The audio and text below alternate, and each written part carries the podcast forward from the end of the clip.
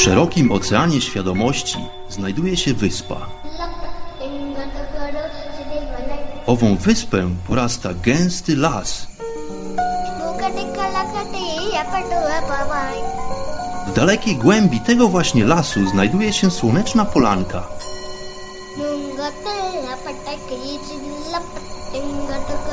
Przy tej oto polance w gorących promieniach słońca stoi sobie pewna magiczna chata.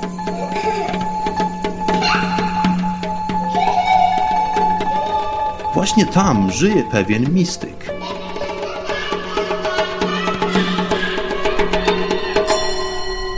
Mam na imię Bart i zapraszam wszystkich serdecznie do wysłuchania programu Chata Mistyka.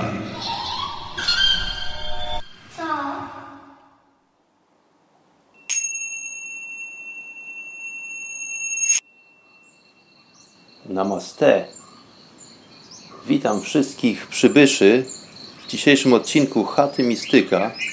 Szalenie mi przyjemnie, że udało Wam się odnaleźć ścieżkę, która doprowadziła Was do owej magicznej chaty, w której to często rozpatrujemy tematy niecodzienne, niebywałe, być może często troszeczkę skomplikowane, dlatego że w programie Chata Mistyka próbuję wznieść się ponad wymiar codzienności, ponad wymiar i obszar tego, co pojmujemy na co dzień i co bardzo często przyjmujemy jako standard naszego rozumowania, naszego postępowania. W chacie mistyka zajmujemy się tematami, które to mają za zadanie wykroczyć ponad ten codzienny poziom logicznego myślenia. Nasza ludzka istota to nie tylko to, co fizyczne, co niestety stało się w dzisiejszym nurcie rozwoju cywilizacyjnego tak powszechnym. Mam wrażenie, że w nurcie dzisiejszej rzeczywistości, w nurcie naszej codzienności bardzo często nie zauważamy tak ważnej sfery naszego człowieczeństwa, jaką jest sfera duchowa. Człowiek to nie tylko ciało i umysł, ale również potężna pula energii, i mnóstwo rzeczy, które tak naprawdę nie dają wytłumaczyć się w sposób tradycyjny, w tym ujęciu logicznym, w tym ujęciu naukowym. W dzisiejszych czasach, ponieważ postęp technologiczny ma tak niesamowity wymiar i nabrał tak potężnej prędkości, wszelkie nowinki technologiczne pojawiają się z tak potężnym rozmachem i powodują niesamowity impact tak naprawdę na jakości naszego codziennego życia, że musimy odnieść się do tego szalonego tempa, w którym to rozwija się w dzisiejszych czasach nauka. Natomiast e, niestety wobec tego zapominamy bardzo często właśnie o naszej sferze duchowej. Człowiek to nie tylko ciało i nie tylko jego umysł, to również niesamowita pula energii życiowej, która napędza cały ten układ.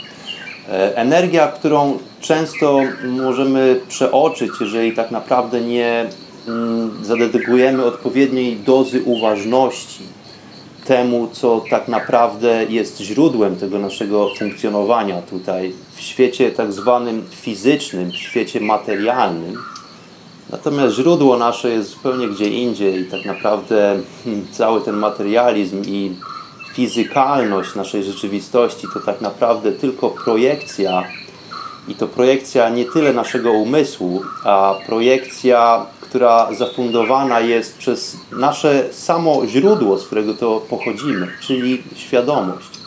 Świadomość, która mm, narzuca w pewien sposób naszą formę, kiedy to mm, e, zakładamy na siebie ten ludzki skafander kosmiczny, tą naszą ludzką formę zwierzęcą i tak naprawdę bardzo często zbytnio utożsamiamy się właśnie z tym naszym zwierzęcym aspektem funkcjonowania. E, natomiast nie zapominajmy, moi drodzy goście, że jesteśmy przede wszystkim istotami, które wywodzą się z energii, które wywodzą się ze źródła, wywodzą się z jedności.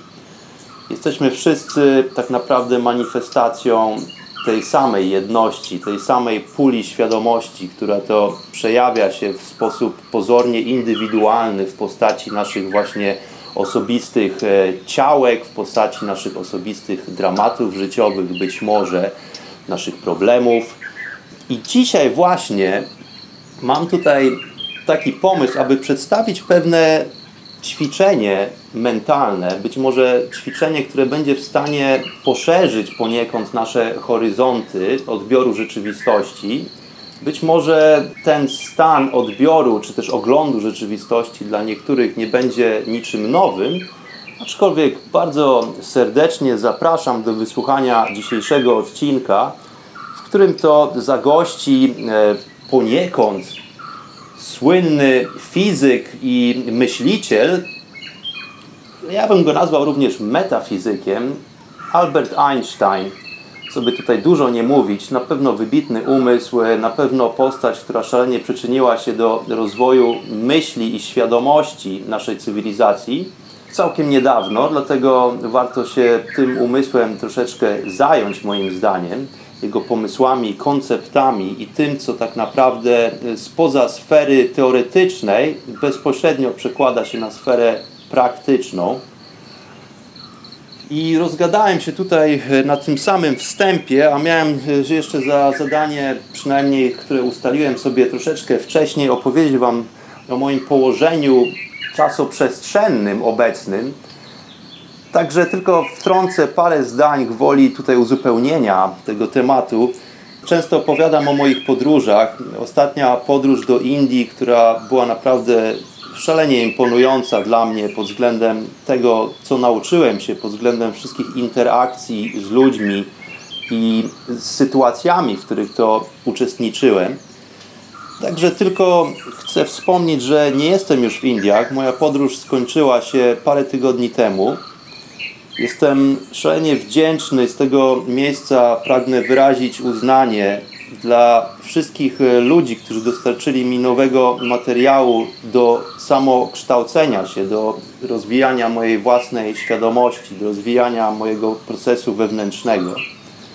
I to mam na myśli nie tylko tych oficjalnych mistrzów i nauczycieli, ale również całą plejadę niesamowitych, barwnych postaci, na które to natknąłem się podczas mojej czteromiesięcznej wizyty w Indiach, które być może bardziej lub mniej świadomie również natknęły mnie na pewnego rodzaju wnioski, spowodowały e, rozpoczęcie pewnych procesów rozważań, które to bardzo mocno wzbogacają mnie i które właśnie są w stanie wznieść mnie czyli moją prawdziwą istotę, nie tą fizyczną, nie tą materialną, tylko tą istotę, która wywodzi się bezpośrednio ze źródła, na dużo, dużo wyższy poziom, który to pozwala mi właśnie jak gdyby spojrzeć z lotu ptaka na to wszystko, co dzieje się na co dzień, co często wydaje się być tak problematyczne, co wydaje się być tak dramatyczne, a właśnie dzięki tej umiejętności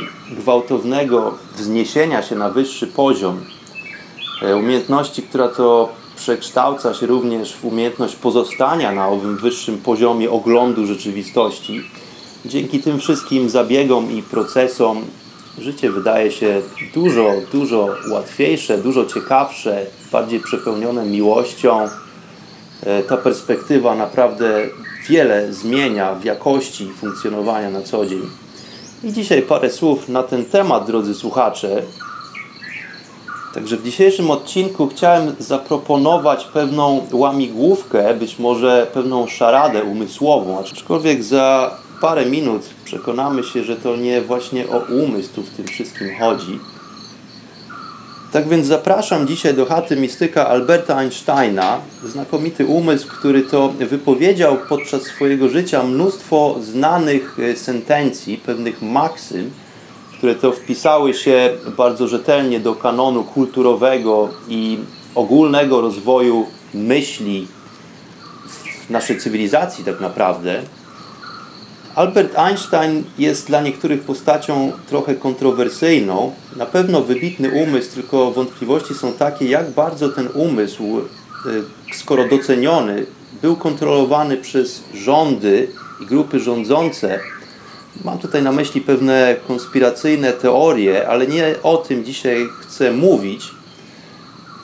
Natomiast z owym faktem, owych teoretycznych konspiracji istniejących wokół tej znamiennej postaci wiąże się pewna wątpliwość co do treści owych słynnych maksym. I właśnie jedną z nich chciałbym przywołać w dzisiejszym naszym spotkaniu, troszeczkę o niej opowiedzieć, a następnie zaproponować pewien inny rodzaj rozumowania, pewien inny model, który być może będzie zgodny z Twoim własnym, osobistym modelem rozumowania i pojmowania rzeczywistości, droga słuchaczko, drogi słuchaczu. Także zachęcam do wspólnej pracy, zachęcam oczywiście również do komentarzy, zachęcam do wspólnej dyskusji, dlatego że jest to moja dzika propozycja, z którą tutaj wychodzę. Propozycja troszeczkę kontrowersyjna, dlatego że nie zgadzam się do końca z, właśnie z jedną z owych słynnych maksym Alberta Einsteina, która to mm, brzmi następująco. Otóż przypuszczalnie Albert Einstein powiedział, że nie możemy rozwiązywać problemu z tego samego poziomu myślenia, który to stworzył owy problem. Ok? Jeszcze raz powtórzę. Nie możemy rozwiązywać problemu z tego samego poziomu myślenia, który to stworzył owy problem. Dlaczego powątpiewam owo zdanie? Dlatego, że Albert Einstein, będąc tak e, niesamowicie wzniosłym umysłem, człowiekiem, który na pewno w dużej części zanurzony jest w swojej sferze duchowej, docenia tę sferę i ją w pewien sposób kultywuje, nie wiem dokładnie w jaki sposób, nieznane mi są szczegóły na temat ewentualnych praktyk czy technik, które to mógłby stosować Albert, Aczkolwiek często bywa tak już, e, jest to udowodnione w historii mm, i biografiach owych słynnych uczonych, takich jak na przykład Nikola Tesla. Ludzie, którzy są tak mocno zanurzeni częścią swojego jestestwa właśnie w źródle, w samym, e, w samym centrum tego bytu, w samym gnieździe, z którego to pochodzi świadomość, że bardzo często jest tak, że owi ludzie na, nie uzewnętrzniają jakichkolwiek cech, które to nam kojarzą się z, z mistykiem, czy też z joginem, czy też z osobą praktykującą owe duchowe aspekty naszego człowieczeństwa. Są to ludzie, którzy są jak gdyby innymi słowy na stałe połączeni. Być może jakiś bezprzewodowy system, który to sprawia, że owi ludzie połączeni są ze źródłem, z tą biblioteką świadomości na stałe. Nie potrzebują ku temu żadnych specyficznych rytuałów, żadnych praktyk, nie muszą siedzieć z, nogami skrzyżowanymi i medytować, dlatego że są w tym stanie medytacyjnym 24 godziny na dobę. To zdarza się czasami nie jest to bardzo popularny stan, nie jest to na pewno większość z nas, dlatego większość z nas musi poświęcać mm, temu procesowi pewne nasze pule energii, czasu i dedykacji. Natomiast są umysły takie jak właśnie Nikola Tesla chociażby, czy Albert Einstein, które moim zdaniem mm, były to, byli to ludzie, którzy są jak gdyby na stałe po, połączeni ze źródłem ludzie, którzy doznali oświecenia i którzy są w stanie nie tylko dotrzeć do ogólnej bazy świadomości, ale również wykorzystać ten fakt do tego, aby pewne informacje przenieść z powrotem i przetłumaczyć je poniekąd w tym świecie fizykalnym, w tym świecie materialnym dla innych, czy chociażby po to, aby utworzyć swoje teorie, czy też bardziej praktyczne wynalazki w postaci urządzeń, które to wykorzystują owe fenomeny pochodzące od samego źródła. Więc już na samym początku chcę powiedzieć, że absolutnie nie wątpię w jakość świadomości Alberta Einsteina. Natomiast jego wypowiedź być może została mylnie przetłumaczona Pamiętajmy o tym, że wokół Alberta Einsteina pracował, pracowała naprawdę wielka rzesza ludzi, asystentów i naukowców. Oczywiście, e, będąc tak mm, znaną postacią, zajmującą się tak e, głębokim tematem, nie był w stanie pewnych spraw ogarnąć samodzielnie, więc miał do tego sztab ludzi ze sobą. Więc być może mm, zakłamanie tutaj, o, które, o którym chcę wspomnieć, nie wywodzi się bezpośrednio od samego Alberta, ale być może właśnie jest to przekłamanie bazujące na tłumaczeniu, na jakiejś interpretacji kogoś, kto nie do końca zrozumiał ową sentencję. No i dlatego stawiam tutaj w dzisiejszym odcinku Chaty Mistyka wielki znak zapytania nad ową sentencją, że nie możemy rozwiązywać problemu z tego samego poziomu myślenia, który to stworzył owy problem, ale również równolegle zachęcam Was, drodzy słuchacze, do podjęcia próby naprawienia tego błędu i wychodzę z pewną propozycją. Więc pozornie owy cytat brzmi bardzo wzniośle, ale po krótkim zastanowieniu dochodzę do wniosku, że prawdopodobnie zakradł się tutaj pewien błąd, który to powoduje diametralną zmianę percepcji tego zagadnienia. Nie wiem dokładnie, czy wynika to z tłumaczenia tego zdania, czy być może z różnic kulturowych, ale użycie słowa myślenie w tym zdaniu jest moim zdaniem w pewien sposób zwodnicze i dodatkowo pozostawia nas w pewnym ograniczonym schemacie rozumowania. Dlaczego? Innymi słowy, sposób w jaki wypowiedziane jest to zdanie narzuca już swoją formą pewien paradygmat.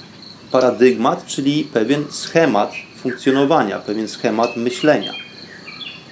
Schemat, który to implikuje już pewne ograniczenia, który pewien sposób zawęża nasz obręb, czy też obszar odpowiedzi, którą byśmy mogli wystosować podług tego pytania. Nie możemy rozwiązywać problemu z tego samego poziomu myślenia, brzmi to zdanie, który to stworzył owy problem. Co to oznacza? To znaczy, że aby rozwiązać problem, musimy popatrzeć na problem z wyższego poziomu prawda? Jak gdyby z innego pułapu. To sygnalizuje owo zdanie, owo maksyma, że, rzekomo wypowiedziana przez Alberta Einsteina. Czyli problem, który to tworzy umysł w wyniku naszych osądów, czy też naszych upodobań, czy niechęci, być może jakiegoś strachu, czy bardzo często naszego zbyt wielkiego stopnia zaangażowania właśnie w tą sferę fizyczną, zapominając o naszej sferze duchowej, to jednak końcowo nadal jest wytwór naszego umysłu, prawda? Czyli jeżeli problem pochodzi z tej sfery fizyczności, z tej naszej biologicznej sfery zwierzęcej, i próbujemy ten problem rozwiązać, czy też załatwić, wychodząc z tego samego poziomu, no to jesteśmy w pewien sposób e, skazani na klęskę, prawda? Dlatego, że jest to pewna domena. To jest to owo przysłowiowe pudełko, z którego nie jesteśmy w stanie wychylić głowy, aby zajrzeć poza obszar tego pudełka. Umysł, który posługuje się myślami, prawda? Wspominałem wielokrotnie o tym, że umysł jest niczym innym, jak tylko nabytym przez nas narzędziem, tak samo jak wszystkie inne nasze cielesne organy. W tym wypadku jest to organ, który nie istnieje bezpośrednio, mm, nie jest usytuowany w żadnej konkretnej części naszego ciała, ale jest to również narzędzie, które ma y, charakter zgromadzony. Jest to kolekcja pewnych nawyków, pewnych przystosowań, które to jesteśmy w stanie wypracować podczas naszego procesu socjalizacji początkowo, kiedy wychowujemy się jako dzieci, poznajemy różnego rodzaju elementy, mm, którymi to posługuje się nasz umysł do późniejszego procesowania naszej rzeczywistości, no a następnie wystosowujemy sobie nasz własny styl, nasz własny światopogląd. To wszystko jest wiedza nagromadzona. Więc umysł, który posługuje się zawsze myślami. Dodatkowo te myśli to w większości tak naprawdę werbalizacje.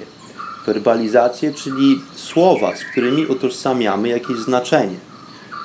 Większość naszych myśli, mógłbym śmiało powiedzieć, że w większości przypadków 95% e, czasu, który to poświęcamy myśleniu podczas dnia, w tym czasie operujemy słowami Czyli jeżeli pochodzimy z Polski, to operujemy oczywiście językiem polskim. Jeżeli pochodzimy z Anglii, posługujemy się słowami angielskimi, ale nadal umysł ten wykorzystuje jako narzędzie pośrednie właśnie zbiór znaczeń, które to przypisujemy słowom, prawda? Słowa, którymi skrzętnie posługuje się uparcie nasz wewnętrzny narrator. Narrator, który to nie może nigdy się zamknąć. To jest ten narrator, z którym to właśnie borykamy się, kiedy doświadczamy różnego rodzaju niewygodnych stanów dla nas. Czyli umysł, czy to nam się podoba, czy jak to najczęściej chyba bywa, jak nam się to nie podoba, to, że ten fakt, że istnieje gdzieś tam e, przypisany nam narrator, to jest właśnie ten gość, czy ta gościuwa, która prowadzi ten głośny monolog późno w nocy, kiedy to najczęściej leżymy sobie w łóżku i próbujemy zasnąć, prawda? Nagle okazuje się, że wszystkie problemy świata, oczywiście niecierpiące zwłoki, które to muszą być rozwiązane właśnie teraz, właśnie w tym momencie, kiedy to próbujemy zasnąć. No i zanim możemy zapaść w owy zasłużony odpoczynek, na który czeka ciało, ale jednak wewnętrzny narrator właśnie zdecydował, że musi porobić troszeczkę nadgodzin, no bo skoro wyzwanie stało się problemikiem, problemik urósł do miana problemu, a problem zamienił się w dramat, no to ten stan wymaga już od naszego narratora, od naszego umysłu, dodatkowego wkładu czasu i energii. Dlatego, że umysł będzie zawsze próbował ten problem rozwiązać tu i teraz. To jest funkcja przetrwalnicza. To jest to, co pozwala ci trwać i, i mm, żyć tutaj w tym świecie, na tej planecie. Dlatego ten mechanizm przetrwalniczy często bierze górę. Jeżeli doprowadzimy to do tego stopnia, że malutki problemik czy też wyzwanie rośnie w naszych oczach, w oczach naszego narratora wewnętrznego do skali potężnego dramatu, no to oczywiście mm, mechanizm obronny bierze górę. Dlatego, że jeżeli jest to rzeczywiście dramat, no to trzeba nim się zająć tu i teraz to jest rzecz niecierpiąca zwłoki, prawda? Więc w całym tym procesie, tych praktykach, do których bardzo często zachęcam gości chaty mistyka, do procesów medytacyjnych, które są świetną odpowiedzią na tego typu dylematy i problemy, to wszystko właśnie ma zaprowadzić Cię do pewnego spokoju umysłu. Do tego, aby mały problem, czy też małe wyzwanie nie urosło, nie przerodziło się w potwora, i nie urosło do miana dramatu. Jeżeli nie jesteśmy w stanie kontrolować tych emocji, tych procesów myślowych, które to zachodzą w nas, no to właśnie będziemy mieli do czynienia z ową nocną zmianą, którą to decyduje się podjąć nasz narrator, który to robi sobie nadgodziny, kiedy właśnie próbujemy zasnąć, kiedy ciało jest zmęczone i potrzebuje tej regeneracji, potrzebuje uzupełnienia tej puli energii życiowej, no to właśnie umysł galopuje sobie w różnego rodzaju kierunkach. Także jest to moment, w którym jest poniekąd już za późno. To nie oznacza klęski, ale to, co mi tutaj chodzi, co próbuję przekazać, to to, że powinniśmy starać się nie dopuszczać nigdy do tego momentu, kiedy to problemik urasta do miana problemu, a ten zamienia się w potężny dramat. Ale wracając do samego myślenia. Zwykle większość naszych myśli przejawia się w postaci słów, tak jak wspomniałem. Oczywiście myśli to nie tylko słowa. Są to też obrazy, są to dźwięki, zapachy itd., tak itd. Tak Generalnie wszystko to, co dostarczają nam zmysły poznawcze, można zakodować w myśl.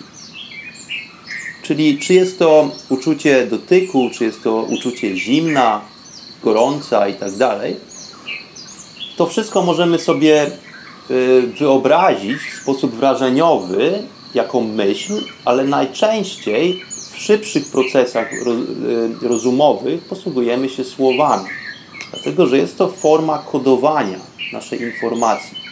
Więc aby jak gdyby przeliczać te wszystkie procesy, nasz komputer musi posługiwać się językiem. Językiem, którym to w tym przypadku są właśnie słowa.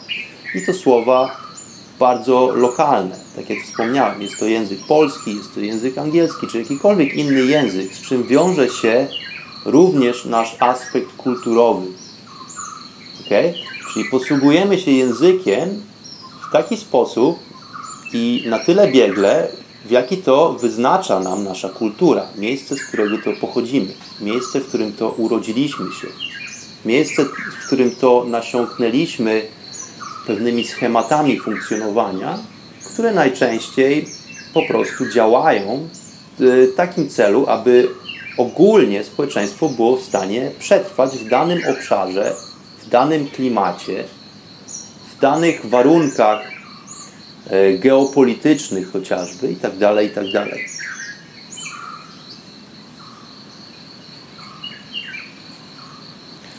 Także myśli występują w różnych innych formach, bardziej wrażeniowych, ale chyba jesteśmy w stanie w większości zgodzić się, że myśli przejawiają się w postaci właśnie słów. Słowa, czyli język. Język to bardzo silna konotacja z naszą kulturą. Kultura to coś, co nas z jednej strony łączy, co nas spaja w społeczność, w pewien sposób definiuje również, ale z drugiej strony jest to coś, co nas bardzo mocno ogranicza. Chociażby ze względu na ową lokalizację naszej kultury. Czyli mamy jak gdyby ograniczony obręb informacji o rzeczywistości, o świecie, w którym to funkcjonujemy. Ten obręb informacji, który to jest nam dany, w pewien sposób sprawdza się. Tak jak właśnie mówię, jesteśmy w stanie chociażby przetrwać jako wioska, jako społeczność, jako naród. Z drugiej jednak strony bardzo mocno ogranicza nasz światopogląd i dodatkowo warunkuje sposób, w jaki to myślimy. Bo skoro umysł posługuje się słowami, no to posługujemy się tylko określoną bazą słownictwa, co przeradza się w późniejszym etapie na nasz sposób rozumowania, tudzież pojmowania rzeczywistości.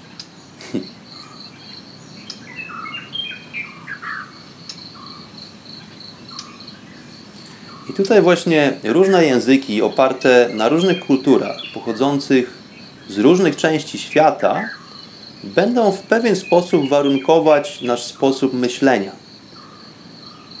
Sposób myślenia różnych nacji, różnych społeczności, tym samym będzie różny sposób odbioru rzeczywistości w tych różnych grupach, o których tutaj mówię.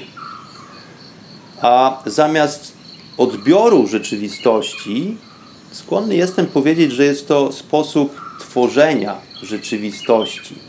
Okay?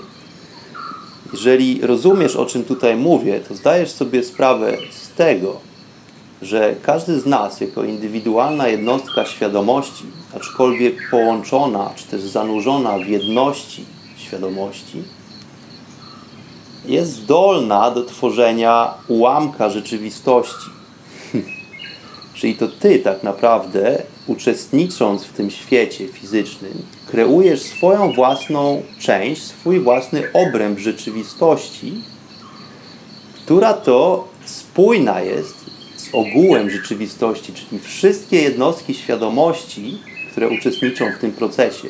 Każda odrębnie, ale jednocześnie w całości tworzy właśnie ową rzeczywistość, w której to tutaj funkcjonujemy. Więc czy możemy rozwiązać problem z tego samego poziomu myślenia? Moim zdaniem stanowczo nie. To zdanie sugeruje, że rozwiązaniem jest samo myślenie. Być może jakiś inny rodzaj myślenia, ale nadal jednak samo myślenie. Samo myślenie jest jednak aktem umysłu, który to jest jedynie narzędziem poznawczym narzędziem, z którym to często pomyłkowo próbujemy się utożsamiać. Przykład. Kiedy chcę posiać zboże, to najpierw muszę zaorać pole, prawda? Do tego wykorzystuję narzędzie, które nazywa się broną. Brona orze pole, prawda? Ale moim celem jest to, aby wyrosło zboże, a nie to, aby użyć brony w polu. Rozumiesz różnicę? Posługuję się narzędziem po to, aby osiągnąć jakiś cel. Moim celem nie jest to, aby użyć po prostu narzędzia. I Einstein, moim zdaniem, też nie chciał jedynie użyć brony i również nie posądzam go o jakieś ułomne wymioty werbalne, dlatego że był to bardzo światły człowiek, był to bardzo sprawny umysł również. Dlatego, moi drodzy, wychodzę z propozycją, aby zamiast słowa myślenie użyć słowa świadomość w tym zdaniu. To sprawi, że maksyma Einsteina nabierze zupełnie innego charakteru, o dużo głębszym znaczeniu. Więc posłuchajmy.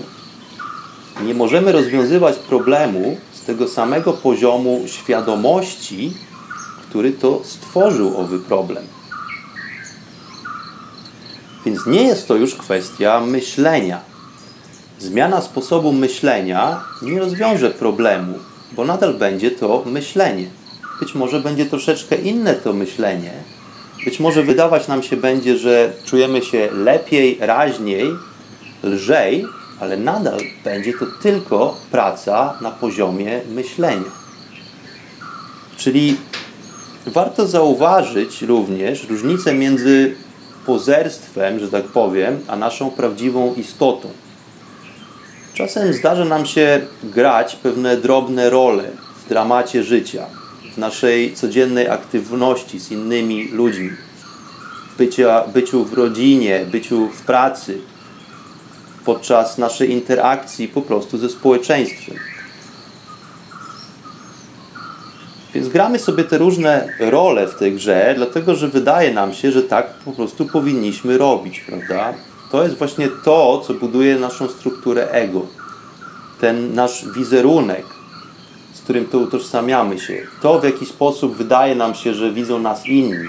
To, w jaki sposób wydaje nam się, że powinniśmy się zachowywać w towarzystwie innych. To jest wszystko właśnie to pozerstwo, o którym mówię. Ze względu na innych jesteśmy w stanie tak naprawdę zmienić kompletnie wizerunek naszej prawdziwej istoty. Być może sami już nawet nie zauważamy mm, wizerunku tego prawdziwego naszego jestestwa, tego bytu. Dzieje się tak bardzo często dlatego, że mm, jesteśmy powodowani po prostu strachem. Bardzo często uczestniczymy w różnych y, gierkach, zachowujemy pewne pozory, dlatego że obawiamy się utraty własnego bezpieczeństwa w pewien sposób. Gramy tą rolę społeczną. Robimy czasem rzeczy, na które po prostu nie mamy często ochoty, ale zwykle przybieramy dobrą minę do złej gry i kontynuujemy te wszystkie mm, nasze schematy. A to zwykle kosztuje nas bardzo dużo energii. To odgrywanie roli właśnie. To zachowanie, którego oczekuje nasze ego. Bo tak naprawdę, jeżeli zdajemy sobie z tego sprawę, to nie jest to zachowanie, którego oczekują od nas inni. Tylko to jest to, co właśnie ten nasz wewnętrzny narrator, posługujący się tą pozorną otoczką, która to stworzona jest przez ego, wykorzystuje przeciwko nam samym. Czyli działamy przeciwko nam samym, kiedy to zbyt mocno utożsamiamy się z tym właśnie fałszywym wizerunkiem wystosowanym przez nasze ego. To nie jest to, czego oczekują od nas inni w większości przypadków, tylko to jest to, czego my oczekujemy od nas samych w obawie przed tym, jak będą nas widzieć inni. Ale prawdziwa jakość wiąże się z ulepszaniem na poziomie istoty, czy też naszej duszy, a nie na poziomie aktorskim, na planie filmowym, jakim jest nasze życie. Więc jak to jest z tym myśleniem? jeżeli jestem nieszczęśliwy, to nie zmienię tego myśląc pozytywnie, czy powtarzając sobie 21 razy dziennie, że jestem szczęśliwy, prawda? To powszechne zdanie don't worry, be happy również jest e, sprzeczne poniekąd z, z tym, co ja czuję na temat tego tematu, dlatego że pozorne utrzymywanie dobrego humoru, uśmiechanie się do wszystkich, a w środku we mnie po prostu kotłuje się pewna wojna emocji i e, wszelkiego rodzaju uczucia, których to nie jestem w stanie uzewnętrznić, no bo co powiedzą inni, to, to nie jest to prawdziwe rozwiązanie problemu, prawda?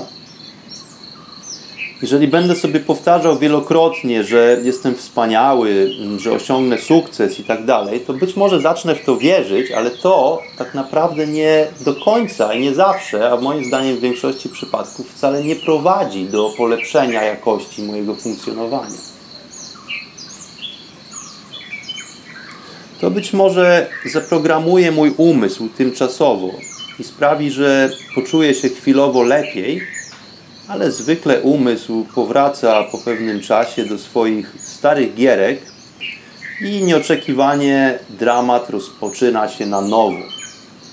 I znowu leżę w łóżku, jest druga w nocy, powinienem dawno spać, ale w mojej głowie kotłują się myśli, problemy, niecierpiące zwłoki, które to muszą odkryć rozwiązanie właśnie w tym momencie, kiedy to moje ciało i moja pula energii jest już na niskim poziomie i musi po prostu doznać zasłużonego czasu odpoczynku.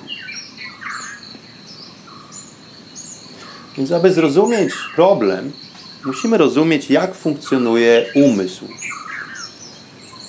Teraz mogę Ci powiedzieć, że umysł posługuje się myślami, że nie lubi pustej przestrzeni chociażby i stara się ją zawsze wypełnić ale jesteśmy w stanie to chociażby zhakować. Jesteśmy w stanie wypełnić e, ten umysł chociażby mantrą.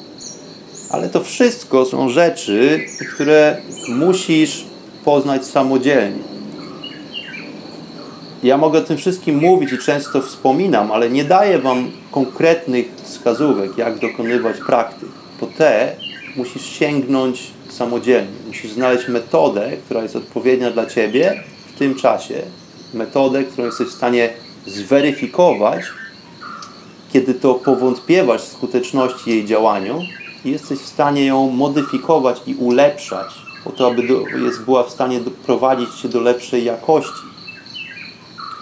Musisz poznać jak gdyby krajobraz swojego umysłu. Tam się naprawdę wiele dzieje i to wymaga po prostu pracy, to wymaga pewnego doświadczenia. Co trzeba zrobić? Zwykle trzeba usiąść, zamknąć oczy i zachowując pełną uważność, po prostu przestać reagować na owe bombardujące nas myśli. Kompletny brak reakcji na to, co na zewnątrz i brak reakcji na to, co zachodzi wewnątrz, ale nadal w pełnej uważności bez jakichkolwiek opinii. I wówczas odpowiedzi pojawią się automatycznie. Być może nastąpi taki stan, w którym to nie warto po prostu zadawać już pytań. Medytacja jest praktyką. Wymaga dedykacji, wymaga pracy regularnej i wymaga zaangażowania. Ale pomyśl sobie teraz w ten sposób. Jeżeli poświęcisz chociażby tylko 10% energii, którą zużywasz na swoje dramaty i zainwestujesz ją w medytację, to wyobraź sobie, że Twój zysk będzie wielokrotny. Wiedział to zapewne również Albert, więc skłonny jestem powiedzieć, że mamy tu do czynienia ze świadomością raczej niż myśleniem w tym zdaniu, które to rzekomo wypowiada Albert Einstein. To właśnie jest ten nasz kolejny wyższy level, zupełnie inny pułap. To jest ten widok z lotu ptaka, gdzie wszystkie ludziki poruszające się w tych blaszanych pudełeczkach na kółkach i wszystkie ich problemiki z tej wysokości z lotu ptaka wydają się po prostu błahe. kiedy myślę o tych ludzikach w blaszanych pudełeczkach, czyli w, samochodach, to przypomina mi się moja mama, więc pozdrawiam moją mamę, jeżeli słuchasz tego odcinka. Pozdrowienia i uszanowanie dla Ciebie. Więc e, powracając do naszych rozważań na temat umysłu i jego hierarchii w tych warstwach naszego jestestwa, to byłbym skłonny, aby skonceptualizować sobie pozycję owego umysłu. Jestem w stanie umieścić go jak gdyby poniżej pułapu, na jakim to funkcjonuje świadomość. Świadomość jest wymiarem, w którym zawiera się jak gdyby umysł. To znaczy, nie zrozum mnie źle, to nie jest tak jak szczebelki, drabinki, że, mm, że jest ciało, później jest umysł, e, później jest świadomość, tylko im wyższa jak gdyby forma istnienia, tym bardziej jest ona obecna. E, przenika wszystkie pozostałe, jak gdyby poniższe formy. Czyli umysł przeniknięty, przesiąknięty jest świadomością. Podobnie z naszym ciałem, podobnie z całą naszą energią. Ta hierarchia wymiarów rzeczywistości bardzo fajnie i ciekawie przedstawiona jest w Wedach. Wedy, czyli pradawne skrypty opisujące wiedzę, wiedza, która została zgromadzona, usystematyzowana i przekazana na obszarze, który znajduje się za rzeką Indus, czyli mam tutaj na myśli Indię, ta hierarchia mianowicie przedstawia się następująco. Według Wedów istnieje pojęcie atma. Atma, czyli Twoja uważność, Twoja esencja natury, która pozwala Ci obserwować Twoje uczucia, myśli i emocje. Tutaj w skrócie opiszę tylko tą hierarchię. Te, jest, to, jest to notabene sześć poziomów, czy też stanów, które to wiążą się z naszym ludzkim doświadczeniem, z naszą ludzką istotą. Ale właśnie w Wedach jest to bardzo fajnie usystematyzowane i opisane. Więc istnieje jak gdyby sześć poziomów. Oczywiście nie bierz tego nigdy dosłownie, kiedy mówię o poziomach. To są wszystko, jest to język metafizyczny, jest to język mistyczny, więc są to tylko paralele. Jest to model pojmowania rzeczywistości. To nie jest drabinka, po której wspinamy się szczebel po szczeblu. Więc poczynając od dołu, świat, świat fizyczny, czyli jak gdyby najniższa sfera, obszar, którego doświadczamy przy użyciu naszych pięciu zmysłów poznawczych. To jest właśnie to środowisko, w którym to jesteśmy w stanie zaistnieć. To jest ten plan filmowy, to jest to mm, środowisko naszej gry komputerowej, który to serwuje nam, które to serwuje nam system. Kolejnym etapem ponad światem są nasze zmysły. To jest drugi poziom. Zmysły, które umożliwiają pojawienie się odczuć. Czyli to jest to, czym jesteśmy w stanie samplować, próbnikować nasze otoczenie, co dostarcza nam pewnych informacji. Czyli pięć głównych zmysłów poznawczych, które to umożliwiają nam pojawienie się odczuć. Co to są odczucia? Odczucia to już są reakcje, takie jak na przykład odczucie zimna, jest jasno, jest ciemno i tak dalej. Jest to w pewien sposób już nasza reakcja na dane fenomeny, które tu istnieją w rzeczywistości. Czyli kolejnym trzecim poziomem będą właśnie nasze ludzkie odczucia. Odczucia pojawiają się ze sprawą umysłu, czyli jak gdyby wyższego poziomu. Ale tutaj mędrcy, którzy to stworzyli, owe Wedy, dzielą umysł na dwie kategorie. Na ten, którego nie możemy kontrolować i tą część jak gdyby umysłu nazywają manas i tą część umysłu, którą jesteśmy w stanie kontrolować i tą część umysłu nazywają buddhi, czyli jest to poniekąd nasz intelekt. To jest właśnie ten obszar umysłu, którego możemy podjąć próbę kontroli. To jest ta część umysłu, którą jesteśmy w stanie praktykować, czy też trenować według naszej własnej intencji. Więc nasz umysł rozszczepił się na manas i buddhi. Oczywiście nie jest to fizyczne rozszczepienie. To są dwa stany, które współistnieją ze sobą, które tworzą całość tego aparatu, którym jest umysł. Ale ponad tym wszystkim, na samej górze, stoi właśnie wspomniana atma. To jest właśnie poziom, który umożliwia inną perspektywę. To jest poziom, który wznosi się ponad umysł i jego ograniczenia. Atma, ten nadrzędny zbiór, który przenika wszystkie poniższe poziomy, ale jednocześnie istnieje ponad. Wykracza również poza dziedzinę umysłu. Świadomość ma wyższy status niż umysł, prawda? I czy to nie jest właśnie to miejsce, z którego możemy odnieść się z pewnym dystansem do naszego problemu? No bo skoro problem został wygenerowany w umyśle, no to nie może być rozwiązany z tego samego poziomu, czyli z tego samego poziomu, w którym to funkcjonuje umysł, prawda? Ale być może rozwiązanie istnieje, jeżeli dostrzeżemy je jak gdyby z wyższego poziomu poziomu atmy, czyli z poziomu świadomości. To jest właśnie moja propozycja, z którą to wychodzę do Was, drodzy goście chaty mistyka dzisiaj.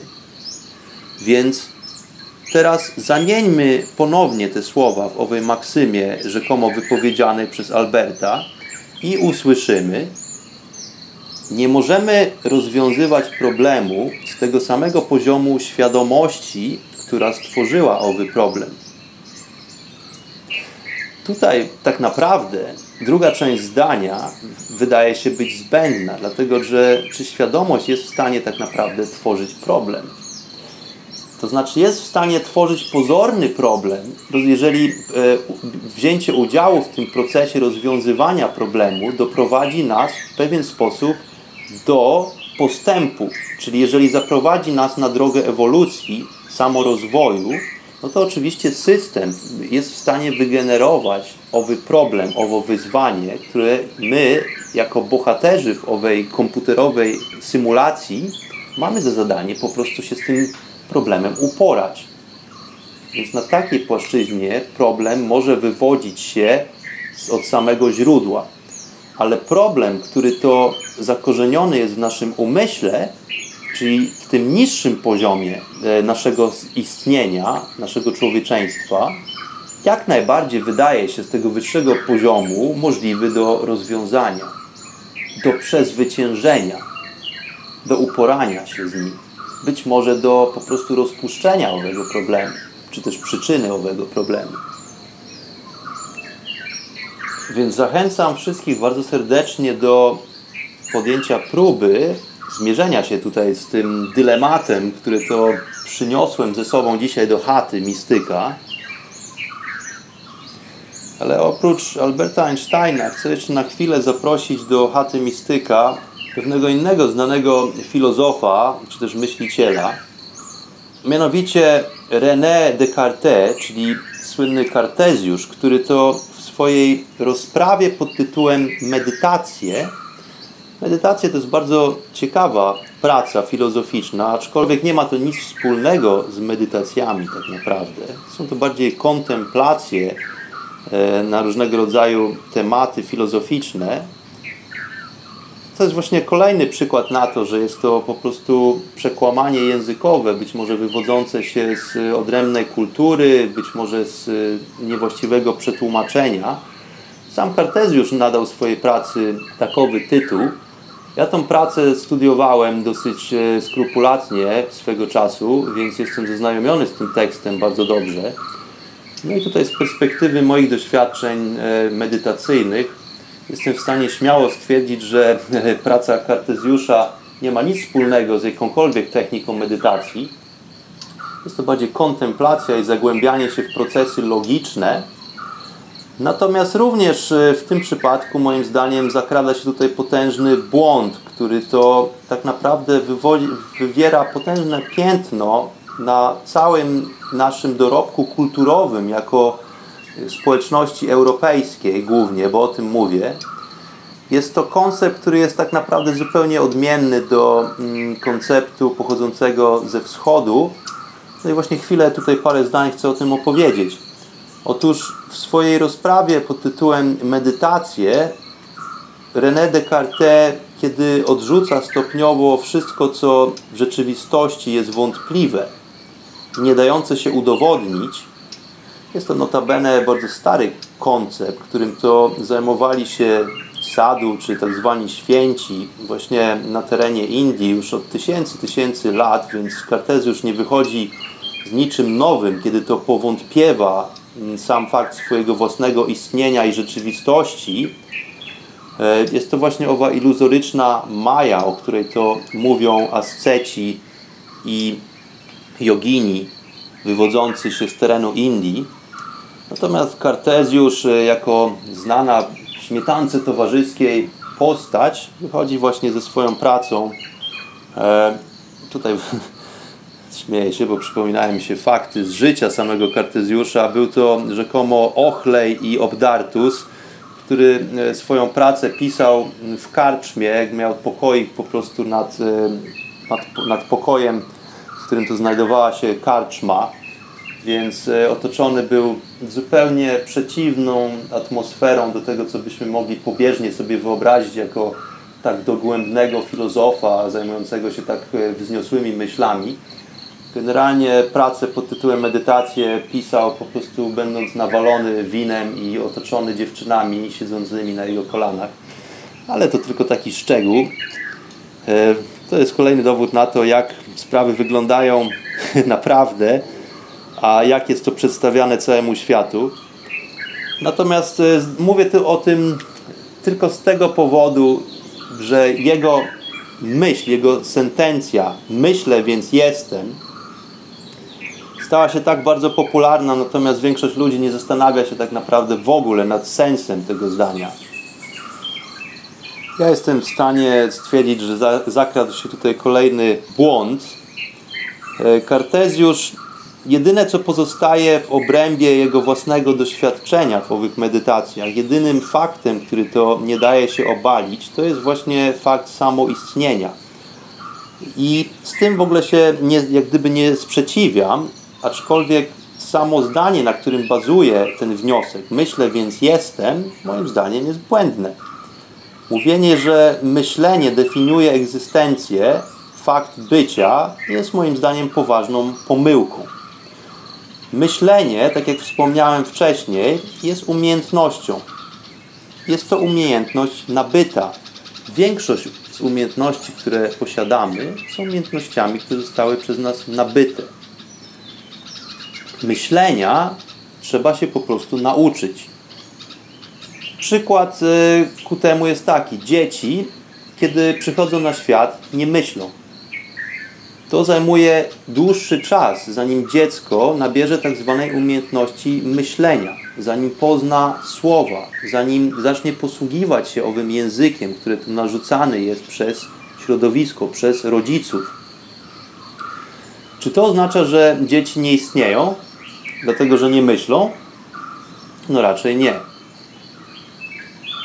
Bardziej kompleksowe procesy myślenia wymagają odpowiedniego słownika, prawda? Kiedy posługujemy się tymi wszystkimi, tymi wszystkimi procesami myślowymi, tymi procesami logicznymi. Potrzebujemy ku temu odpowiedni zasób słów. Język jest potężnym elementem formującym myślenie, tak jak to wykazaliśmy sobie. Również co przekłada się na planowanie, czy też przewidywanie pewnych zjawisk w przyszłości. Więc zakres słownictwa chociażby dwuletniego dziecka jest bardzo minimalny, umówmy się. Czy to oznacza, że tego dziecka nie ma, albo że jest tylko w jakimś minimalnym zakresie? Czy to oznacza, że to dziecko istnieje częściowo, a częściowo nie istnieje?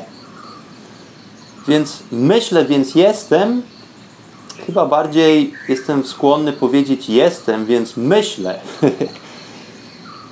Myślenie nie warunkuje teraźniejszości, nie warunkuje istnienia, czy też naszej uważności, czy absolutnie nie uwarunkowuje świadomości.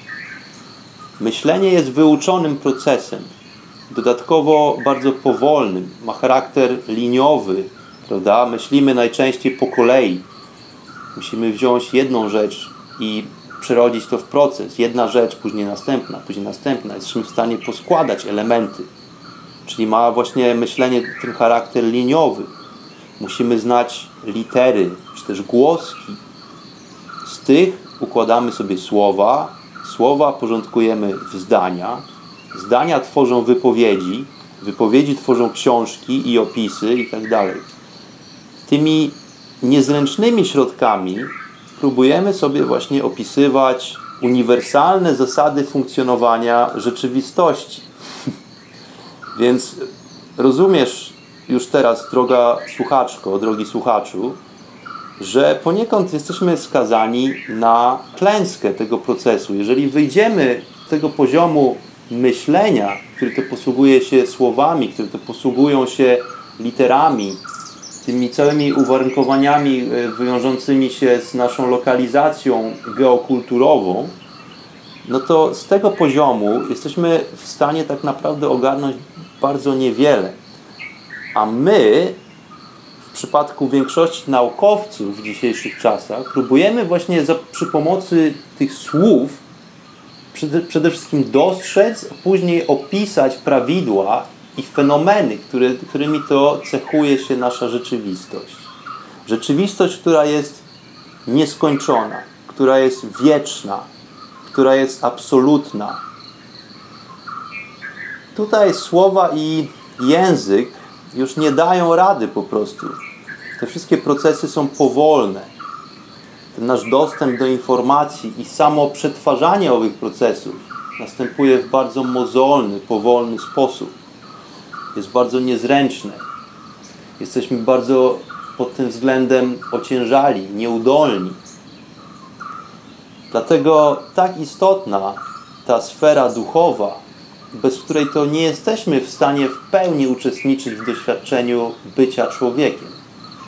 Dlatego bardzo gorąco po raz kolejny zachęcam wszystkich przybyszy w naszym magicznym lesie na naszej wyspie pośród głębokiego oceanu świadomości do podjęcia samodzielnej pracy przede wszystkim, również do dzielenia się swoimi wnioskami, swoimi doświadczeniami z innymi w formie komentarzy, które możecie zostawiać pod audycją w archiwum na YouTube czy też na stronie internetowej Radia Paranormalium bardzo gorąco zachęcam Was do dyskusji. Być może nie zgadzasz się ze mną, również bardzo chętnie posłucham czy też przeczytam e, Twojej opinii na temat rzeczywistości, na temat tego, z jakiego poziomu jesteśmy w stanie rozwiązywać nasze codzienne problemy. Ja natomiast wychodzę dzisiaj z taką oto właśnie propozycją, e, z tego typu koncepcją, która tak naprawdę może mieć bardzo użyteczny charakter, tak długo jak jesteśmy w stanie właśnie wznieść się na wyższy poziom oglądu rzeczywistości, na wyższy, jesteśmy w stanie doświadczyć wyższego poziomu świadomości i właśnie z owego metaforycznego lotu ptaka jesteśmy w stanie dostrzec, jak błahe i lapidarne są w większości problemy, to, z którymi to borykamy się podczas naszej codzienności.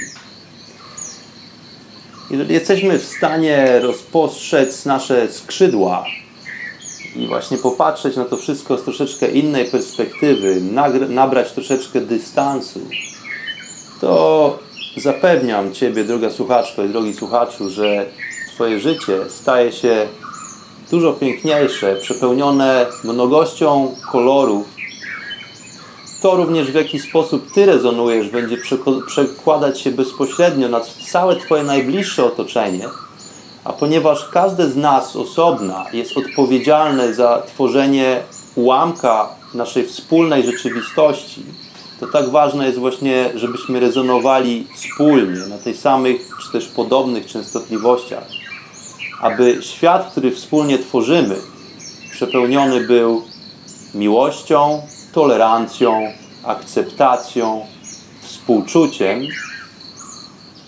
i abyśmy po prostu udoskonalali się wszyscy razem i każdy z nas osobna w tym samym czasie, jako ogólna pula świadomości, która to zesłała siebie w postaci tej, tych dziwnych lodzików przemieszczających się tymi metalowymi pudełeczkami, siedzących w tych jeszcze dziwniejszych pudełeczkach e, przed świecącymi ekranami e, z klawiaturą. Wiesz o czym mówię. Każdy z nas osobna, a tak naprawdę wszyscy razem, zanurzeni w tej samej puli świadomości. Jesteśmy w stanie polepszyć po prostu jakość owego bytu, owego funkcjonowania. Warto to dostrzegać, warto się tym zajmować. Pokój i miłość dla Was wszystkich, drodzy słuchacze. Zapraszam do naszych kolejnych spotkań, ponieważ jestem już w innej części czasoprzestrzeni. Od paru tygodni jestem już zaangażowany w pracę, po to, aby umożliwić sobie w przyszłości kolejne rozdziały, kolejne podróże. Także kolejny temat, kolejne nasze spotkanie w chacie Mistyka mam nadzieję, że pojawi się już wkrótce. Natomiast e, zapraszam póki co do odwiedzania i odkurzania odcinków archiwalnych. Jest tam naprawdę dużo fajnych opowieści i dużo otwieraczy umysłu. Ale to tylko od Ciebie zależy, czy odnajdziesz owo narzędzie i czy jesteś w stanie je wykorzystać ale do tego wszystkich bardzo gorąco i serdecznie zachęcam. Zachęcam do poszerzania świadomości i do rozpoczęcia pracy, abyśmy wspólnie mogli wibrować na dużo wyższym, ciekawszym i milszym poziomie. Pokój i miłość. Pranam.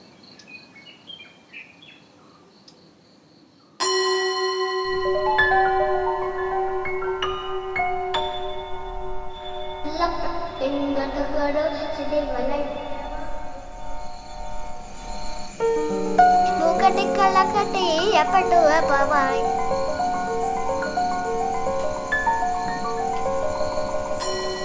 நுங்கத்தில் பட்டை கீச்சில் பட்டுங்கட்டு கடு